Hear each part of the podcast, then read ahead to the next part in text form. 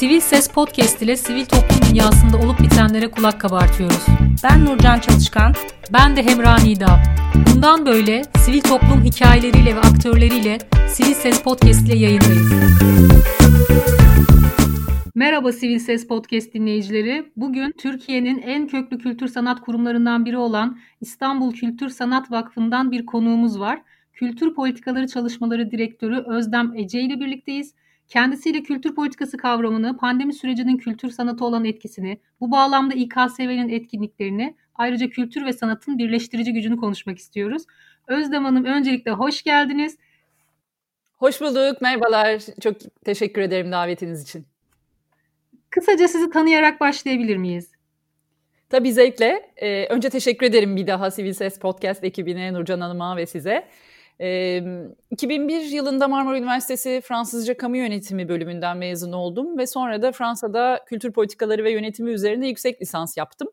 Bu alanda e, uzmanlaştım diyebiliriz. E, işte Fransa dönüşünde İstanbul'da e, farklı kurumlarda kültür ve sanat alanında yöneticilik yaptıktan sonra 5 yıl kadar 2008 yılında İKSV maceram başladı e, Fransa'da Türkiye mevsimi e, diye böyle bir büyük uluslararası projeyle başladım. 2010 yılında ise Kültür Politikaları Çalışmaları Departmanı'nın kuruluşuyla beraber bu alanın başına geçtim. İşte yaklaşık 10 yıldır da Kültür Politikaları Çalışmaları Direktörü olarak İKSV'de çalışıyorum. E, kültür ve sanat alanında e, kültürel hakların geliştirilmesi, bu alanda politika geliştirilmesi gibi konular üzerinde e, bolca mesai harcadığımız bir alan.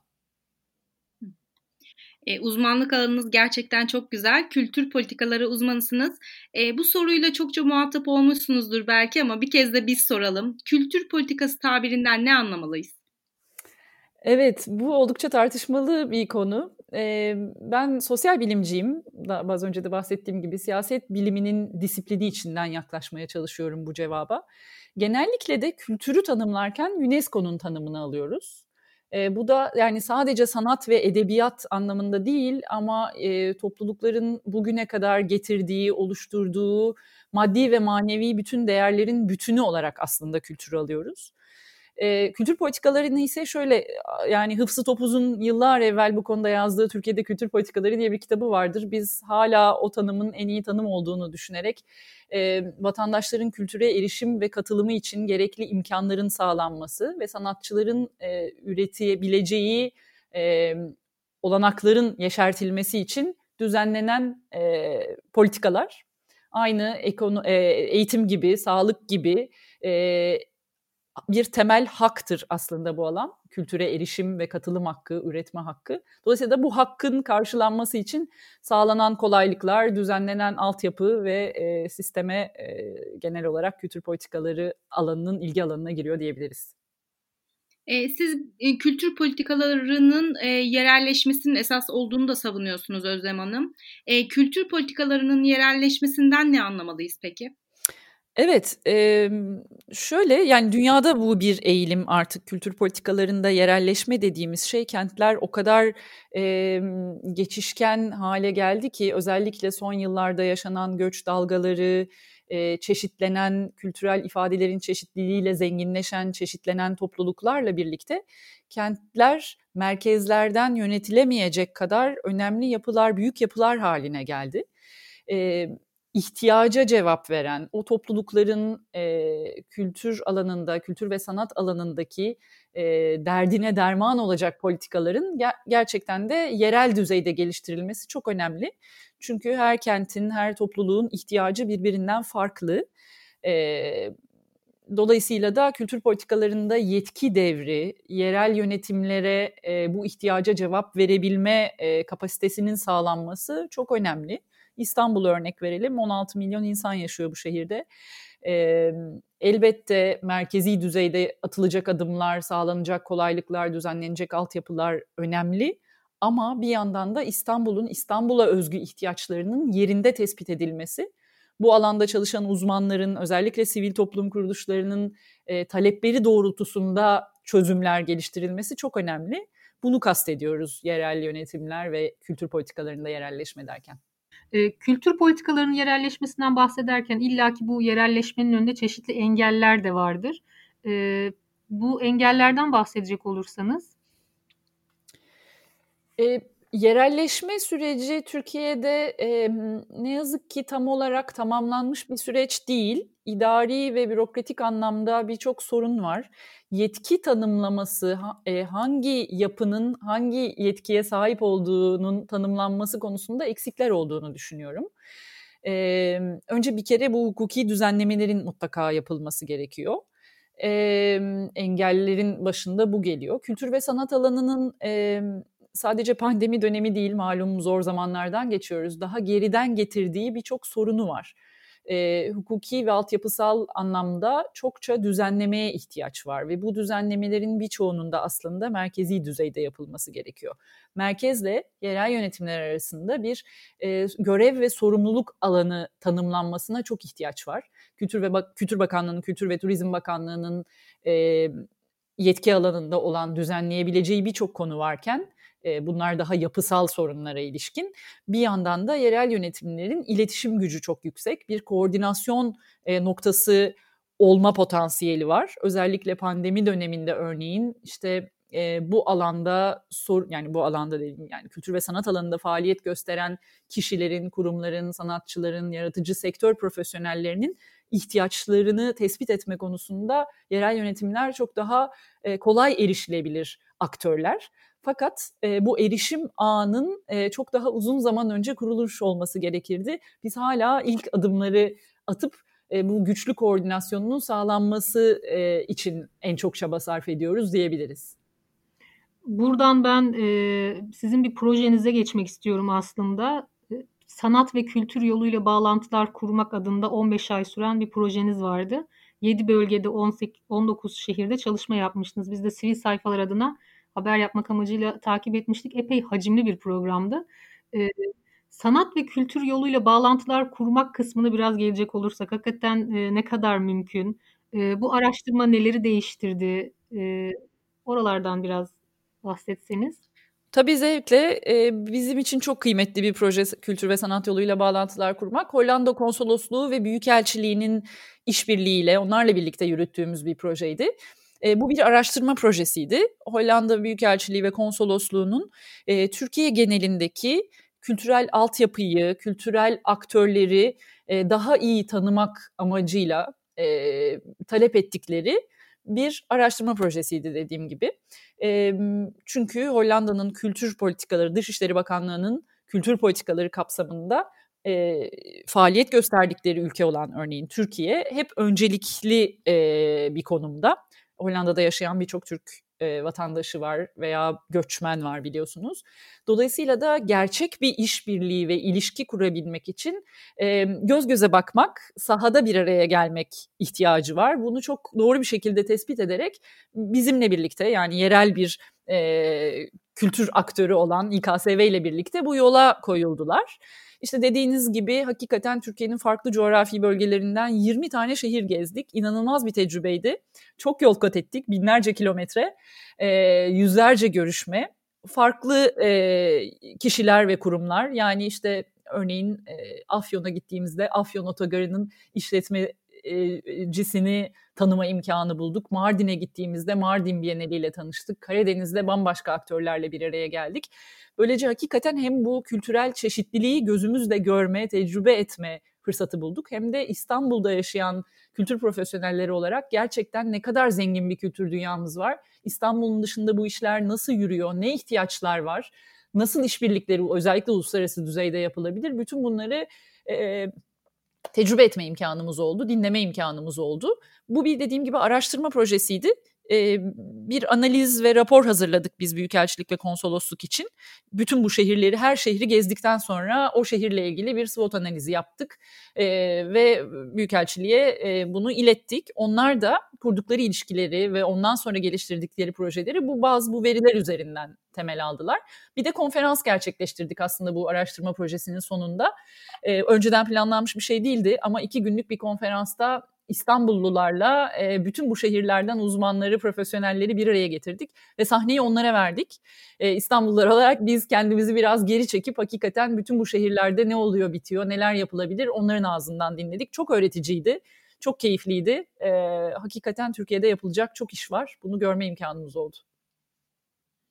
Özlem Hanım e, kültür sanat ve e, pandemi sürecinde olduğumuzu da e, düşünürsek e, pandemi sürecinden en çok etkilenen alanlardan biri de kültür sanat e, alanı oldu. İşte tiyatrolar, konserler, sinemalar, e, müzeler ve sergiler gibi topluluk halinde insanların katılım göstereceği yerler e, etkinliklerde ertelemeler oldu. Yer yerde mekanlar kapatıldı. İKSV bu süreçten nasıl etkilendi? Siz bu süreci nasıl yönettiniz? Ee, zor bir süreç. Devam da ediyor hala bildiğiniz gibi. Ee, işte ne kadar Mart ayından bu yana sayarsak 7-8 aylık bir süreçte kültür ve sanat dünyası gerçekten çok ağır bir yara aldı. Ee, zaten başta da söylediğim gibi birçok sorunla e, baş başa kalan kültür ve sanat dünyası, baştan beri getirdiği sorunları olan e, kültür ve sanat dünyası e, bu dönemin en başında aslında evlere kapanmanın bir sorumluluk haline aldığı zamanlara hızlı bir cevap verdi. E, gerçekten o dönemde sığınılacak işte bir liman oldu bizim için e, kitaplar, film seçkileri, canlı konserler, söyleşiler hepimiz için. E, ve bir yandan da bu ihtiyacın ne kadar önemli olduğunu aslında hep birlikte hissettik. Yani kültür ve sanatın e, temel bir ihtiyaç olduğunu hep anlatırdık. E, ama bu pandemi döneminde daha da gözle görünür oldu gibi hissediyoruz. E, bildiğiniz gibi aslında e, sektör durma noktasına geldi hızlı bir şekilde. Başlarda işte arşivler açıldı, birçok etkinlik e, görünür oldu, kültürler arası iletişim, etkileşim devam etti. Dünyanın öbür ucundaki e, işte etkinlikleri veya müzeleri, sergi koleksiyonlarını e, dijital ortamda izleme imkanı bulduk. Bunların hepsi çok heyecan vericiydi ama bir yandan da çok kırılgan olan sektör e, kapılarını kapatmak zorunda kaldı. Birçok insan e, iş değiştirmek, şehir değiştirmek zorunda kaldı. E, yaratıcı sektör alanında özellikle etkinlik sektöründe emek veren, konserler, gösteriler, festivallerle geçimini sağlayan on binlerce kişi ayakta kalma mücadelesi vermeye başladı. Bunu mutlaka söylemek istedim. E, bu devam ediyor hala. Yani kültür politikaları açısından bu alanda yapılabilecek çok şey var. Bu ayrı. İKSV olarak siz ne yaptınız derseniz e, çokça dayanışma pratiği gelişti aslında bu dönemde.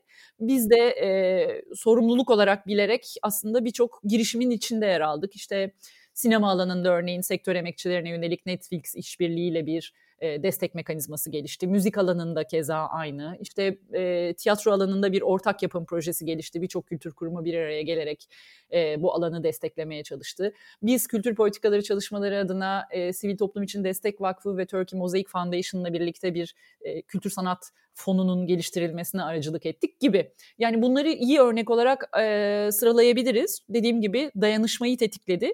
Özellikle kültür dünyasının ihtiyaçlarını bir arada tartışıp yüksek sesle dillendirme e, kapasitesini gösterdi bu süreç. Umarım bu pandemi dönemi hızla biter ve ondan sonra da bu dayanışma pratiği e, kültür sanat aktörleri arasında devam eder diye umuyorum. Peki Özlem Hanım bu pratik dayanışma örneklerini daha da arttırabilir misiniz? Evet, e, bunların hepsi çok iyi örnekler. O yüzden üzerine konuşmaya değer olduğunu düşünüyorum. E, eksik, hiçbir disiplini eksik bırakmak istemiyorum. E, örneğin Saha Derneği Türkiye'de yaşayan ve görsel sanatlar alanında faaliyet gösteren sanatçılar, kolektifler için e, sanat projelerine teşvik amaçlı bir destek fonu oluşturdu. Bu çok önemliydi. Veya dayanışmanın yüzü şiir platformu, e, oyuncu, dansçı, müzisyen veya bu alanda çalışan e, koreograflara, tiyatro emekçilerine destek olmak üzere e, kuruldu. Bildiğim kadarıyla yüzü aşkın sanatçı seslendikleri şiirlerle bu kampanyaya katkı sağladı. E, yine aklıma gelen e, etkinliklerden biri Fest Together. Fest Together fest, pandemi döneminin yine ilk aylarında düzenlenen e, Türkiye'nin ilk dijital festivali oldu. Müziğin gücünün sosyal fayda için nasıl kullanılabileceğine dair çok etkili bir örnek oldu Fest Together. Ee, yine müzik alanından e, gidecek olursak veya eğlence sektörü açısından baktığımızda e, Ahbap platformu çok önemli bir paydaş olarak ortaya çıktı. Onlar da e, birlikte güzel, dayanışma birlikte güzel diye bir kampanya yaptılar ve müzik müzisyenler de dahil olmak üzere bütün yeme içme, eğlence sektörü çalışanlarına çok kısa sürede büyük bir destek sağladılar. E, örnekleri artırmak mümkün. Son dönemlerde örneğin tiyatro kooperatifinin e, girişimlerine tanık olduk. Bizde Yerin Ayrı diye bir seyirci destek programı başlattılar önce. E, izleyicilerin yeni sezon için erkenden bilet rezervasyonu yaparak tiyatrolara bireysel ya da kurumsal olarak destek olmalarını sağladı bu e, program. Tiyatro Kooperatifi yine son dönemlerde özellikle Kültür Bakanlığı'yla e, yürüttüğü görüşmelerle birlikte özel tiyatrolara yönelik e, destekleri, destek taleplerini dillendirme imkanı buldu. Bütün bunların çok önemli olduğunu düşünüyorum. E, özel tiyatrolar özellikle bu dönemde çok zorlandı. Örneğin e, Kumbaracı 50 Beyoğlu'nda e, faaliyette olan en eski sahnelerden biri bir kitlesel fonlama kampanyasıyla e, destek kampanyası başlattı ve yine çok kısa sürede bildiğim kadarıyla yüz binlerce liralık bir e, hedefe ulaşılması mümkün oldu. Bütün bunlar hem bireysel hem kurumsal dayanışmanın önemini gösterdi. Dediğim gibi umarım kültür dünyası bu e, gücü pandemi dönemi sonrasında da hisseder ve devam ettirir. E, vaktimiz varsa birkaç örneği de yerel yönetimlerden belki verebilirim izninizle. Şöyle devam ederseniz çok mutlu oluruz. Tamam. E, tiyatrolar dedik. Örneğin İstanbul Büyükşehir Belediyesi'nin şehir tiyatroları e, pandemi nedeniyle izleyicileriyle buluşamayan özel tiyatrolara destek olmak için e, sahnelerini özel tiyatrolara açtı. Bu da sektörde çok büyük bir mutlulukla karşılandı. Veya Büyükşehir Belediyesi'nin Kültür Dairesi, Kültür Daire Başkanlığı Sokakta Sanat Var başlığıyla İstanbul'un farklı ilçelerinde etkinlikler gerçekleştirdi ve sanatın görünür olması için e, mücadele etti. İlçe belediyelerinin de birçok girişimi oldu. İşte bütün bunlar kriz ortamında beraber yaşama dinamiklerinin e, nasıl geliştirilebileceğini, işte yaşam kalitesinin artırılmasında kültür ve sanatın nasıl rol oynayabileceğini anlatmak için çok iyi örnekler.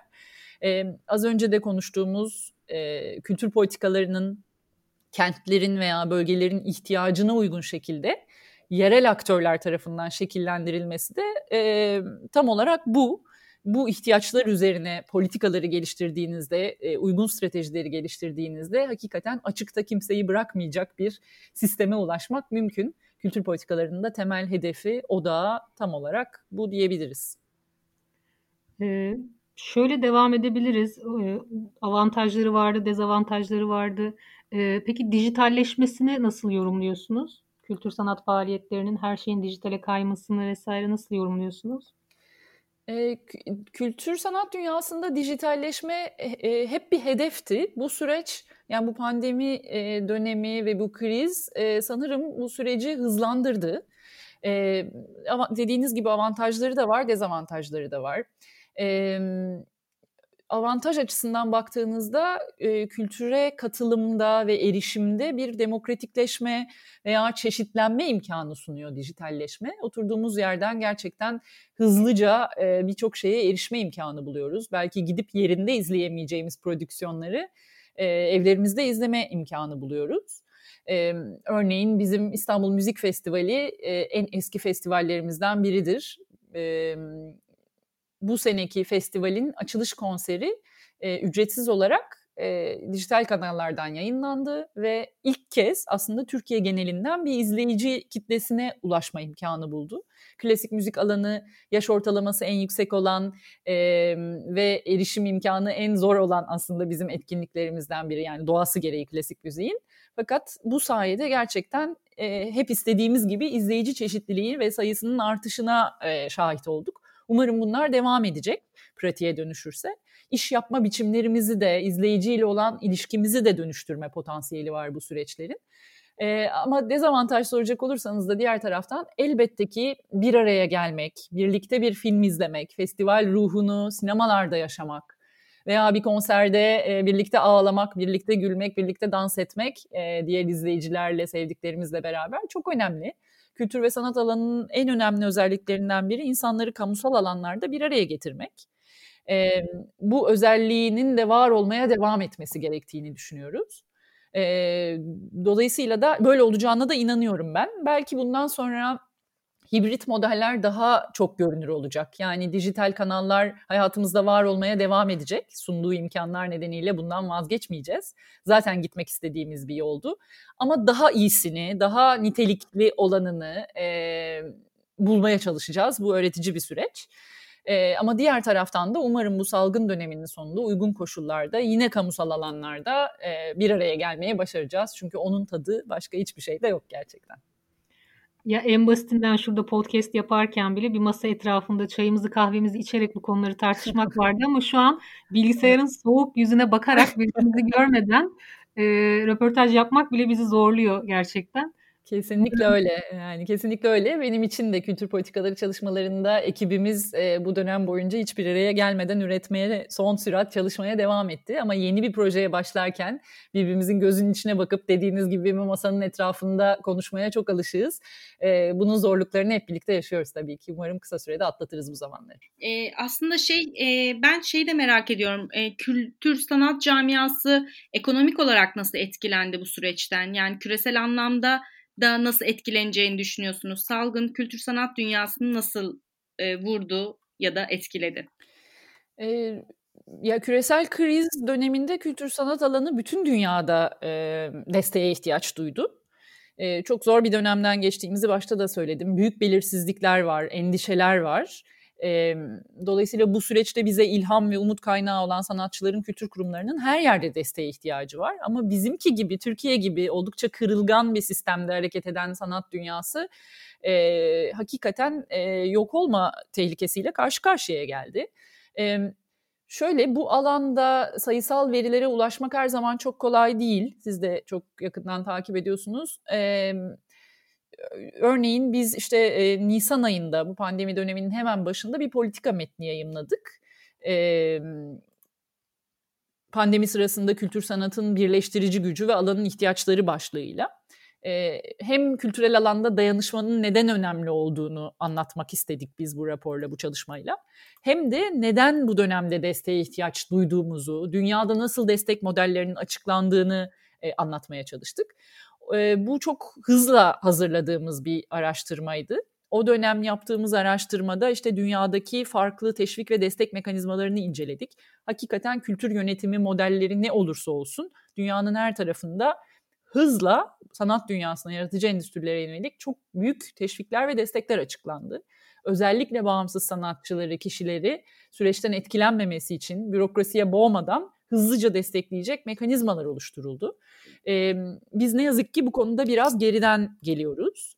Ee, yine o araştırmada kullandığımız bir veri var. Kreksa'nın raporuna göre 2017 yılında bu sektörde faaliyet gösteren 15 binden fazla girişim var. 50 küsür bin kişi istihdam sağlıyor. Eminim 2017'den bu yana daha da gelişmiştir.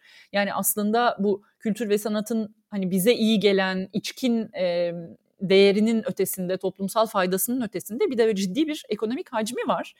E, 600 milyon liralık cirodan 3 milyar 600 milyonluk e, bir katma değerden bahsediyoruz. E, dolayısıyla bu bir sektör ve bu sektörün yara almadan devam edebilmesi için de teşviğe desteğe ihtiyacı var.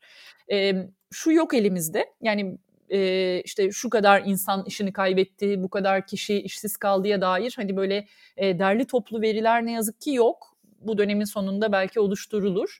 E, bunlara çok ihtiyaç var. Hani kaybı net olarak gösterebilmek için ama şunu kesin bir şekilde biliyoruz ki yani ilk e, etkilenen alanlardan biri oldu malum. Mart ayında etkinlikler hızla kap- iptal edilip mekanlar kapatılınca durma noktasına gelen sektör e, işte turizm gibi, inşaat gibi yani e, en çok yarayı alan alanların başında geldi. Ama diğer alanlara, e, reel ekonomideki diğer sektörlere açıklanan teşvik ve destek paketlerinin benzeri kültür ve sanat alanına yönelik olarak açıklanmadı.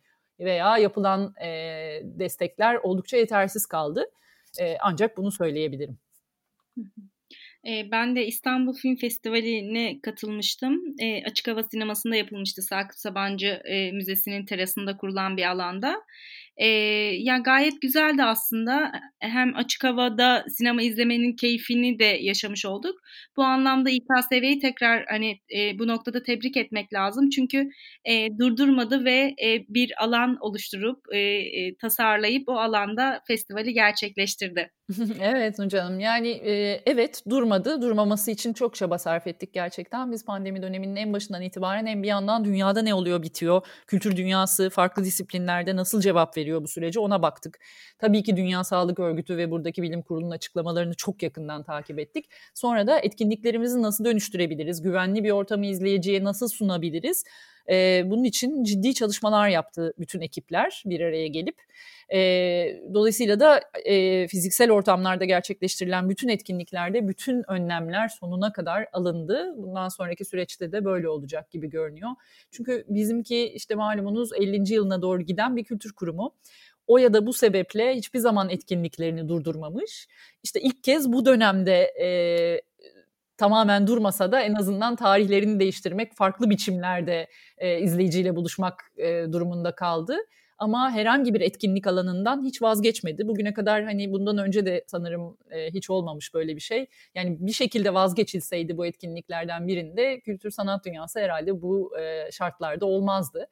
E, bu üretkenliğin, izleyiciyle bu temasın, etkileşimin kaybolmaması için mücadele etmeye devam ediyor herkes gerçekten sanatın birleştirici ve aslında e, insanları bir araya getiren ve dayanışma kültürünü arttıran gücü de diyebiliriz buna.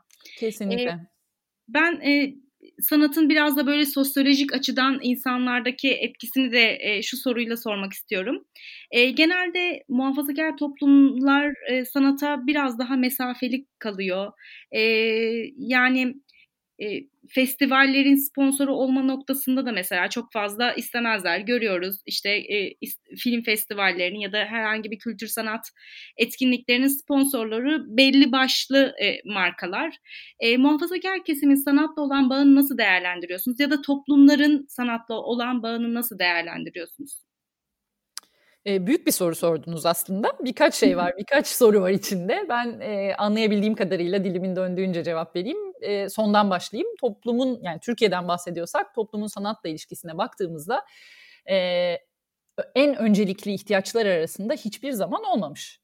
Ee, ne yazık ki kültür ve sanata katılım alışkanlıklarımız, tüketim demek istemiyorum ama izleyici olarak alışkanlıklarımız hala e, gerilerden geliyor e, dünya kıyasladığımızda en azından diyebiliriz. E, belki bu pandemi dönemi bazı şeyleri daha iyi idrak etmemize aracılık etti veya işte daha çok dediğim gibi sığınılacak bir liman oldu bizim için kültür ve sanat dünyası, kitaplar ve üretilen her şey. E, onlar olmasaydı ne yapardık diye kendimize çokça sorduk. Dolayısıyla öncelik sıralamamızda belki biraz daha yer değiştirdi. E, ama genel olarak toplumun geneline baktığınızda bizim bugüne kadar yayımladığımız birçok araştırmada da e, hep dile getirdiğimiz gibi e, bu ihtiyaç ne yazık ki öncelikli bir ihtiyaç gibi konumlandırılmıyor. Elbette birçok engel var erişim konusunda izleyicilerin, vatandaşların erişiminde. İşte maddi engeller var, fiziksel engeller var, algısal engeller var, var da var. Ama bunların aşılması yolunda da birçok çaba sarf ediliyor e, özellikle kültür kurumları izleyiciyle yeni ilişki biçimleri geliştirmek, daha katılımcı yöntemlere gitmek için çokça çaba, çaba sarf ediyor. Ben e, kültür kurumlarını özellikle sivil toplumda faaliyet gösteren kişi ve kurumları çok üretken buluyorum. E, işte bizimki de öyle bir kurum. E, çokça çaba sarf ediyoruz gerçekten. Hem bu alana kaynak geliştirmek için bahsettiğiniz gibi sponsorluk imkanlarını e, yaygınlaştırmak, geliştirmek için hem de bireysel desteği artırmak için. E, yani Türkiye'de e, bunlar işte büyük bütçeli etkinlikler, özellikle uluslararası kültür sanat etkinlikleri e, tek bir kaynaktan e, karşılanması mümkün değil. E, işte kamu desteği, özel sektör desteği, bireysel destekler, hatta filantropik kuruluşların desteği bir araya geldiği zaman ancak gerçekten anlamlı bir bütün teşkil ediyor. Bir de e, işte İngilizlerin malum tabiri bu kol boyu mesafenin korunabilmesi için herhangi bir e, finansman kaynağıyla e, sanatsal özgürlükten, özgünlükten ödün vermeden ilişki kurulabilmesi için bu kaynakların çeşitlendirilmesi çok önemli. İKSV de bu anlamda e, karnesi oldukça iyi bir kurum. Yani işte sektördeki deneyimiyle de ilgili tabii ki bu e, bizim kaynaklarımızın yüzde yaklaşık ortalama olarak yüzde 50-55'i özel sektör desteği ile oluşturuluyor sponsorluklarla.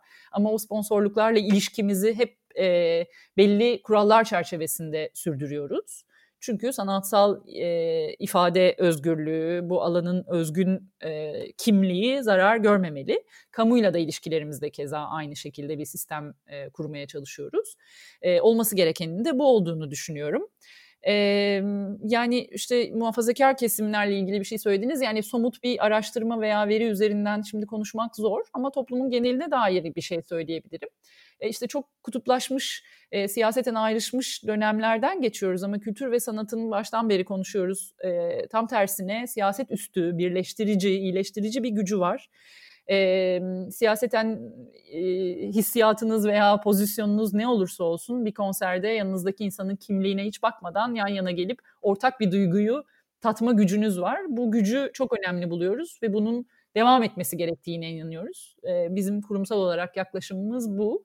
E, bu coğrafyada üretilmiş olan bütün kültürel birikimin, kültürel ifadelerin e, çeşitliliğinin korunması ve geliştirilmesini çok önemli buluyoruz. Ben İKSV dışında birkaç e, görev daha üstleniyorum. UNESCO'nun Türkiye Milli Komisyonu'nda e, bu kültürel ifadelerin kültürel ifadelerin çeşitliliği konusunda bir ihtisas komitesindeyim. E, dolayısıyla bu konu bizim için çok çok önemli. Türkiye'deki farklı coğrafyalardaki bütün bu üretkenliğin e, hem ülke çapında hem de uluslararası düzeyde kendine görünürlük bulması, kazanması için çaba sarf ediyoruz. Ee, yine aynı şekilde danışma kurulu üyesi olarak görev aldığım kültürel haklar konusunda özellikle çaba sarf ettiğim çokça oluşum var. Ee, onların içinde de hep bu kültürel hakların e, görünür olması için özellikle dezavantajlı toplulukların e, hem haklarının hem de üretkenliklerinin devamı için çaba sarf etmeye devam ediyorum.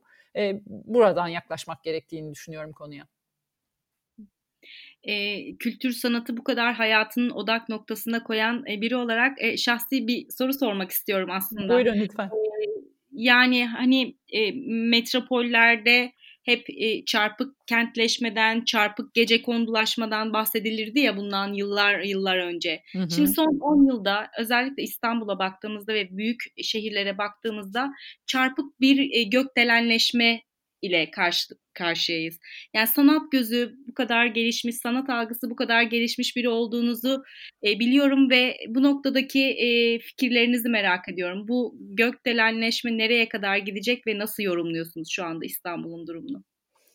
Ee, İstanbul'un durumunu vahim olarak yorumluyorum gerçekten. Bu sürdürülebilir bir e, kentleşme anlayışı değil kesinlikle. Ee, söylenecek çok şey var. Belki bambaşka bir podcast'in konusu olabilir. Uzun bir konu malum. Ee, yani İstanbul'dan bahsediyorsak gerçekten İstanbul dünyanın sayılı kültür başkentlerinden biri. Avrupa Kültür Başkenti olmuş olması, o süreci yaşamış olmasından da bağımsız olarak e, kültürel mirasıyla özellikle hakikaten dünyanın sayılı başkentlerinden biri burası. Aynı zamanda da işte bütün bu konuştuğumuz güncel sanat üretimiyle, izleyicisiyle çok dinamik bir şehir. Fakat e, çarpık kentleşmeden, plansız kentleşme anlayışından dolayı da e, burada yaşayanlara hayatı dar etme potansiyeli olan bir şehir. Hepimizin İstanbul'la ilişkisi aşk-nefret ilişkisi gibi aslına bakarsanız.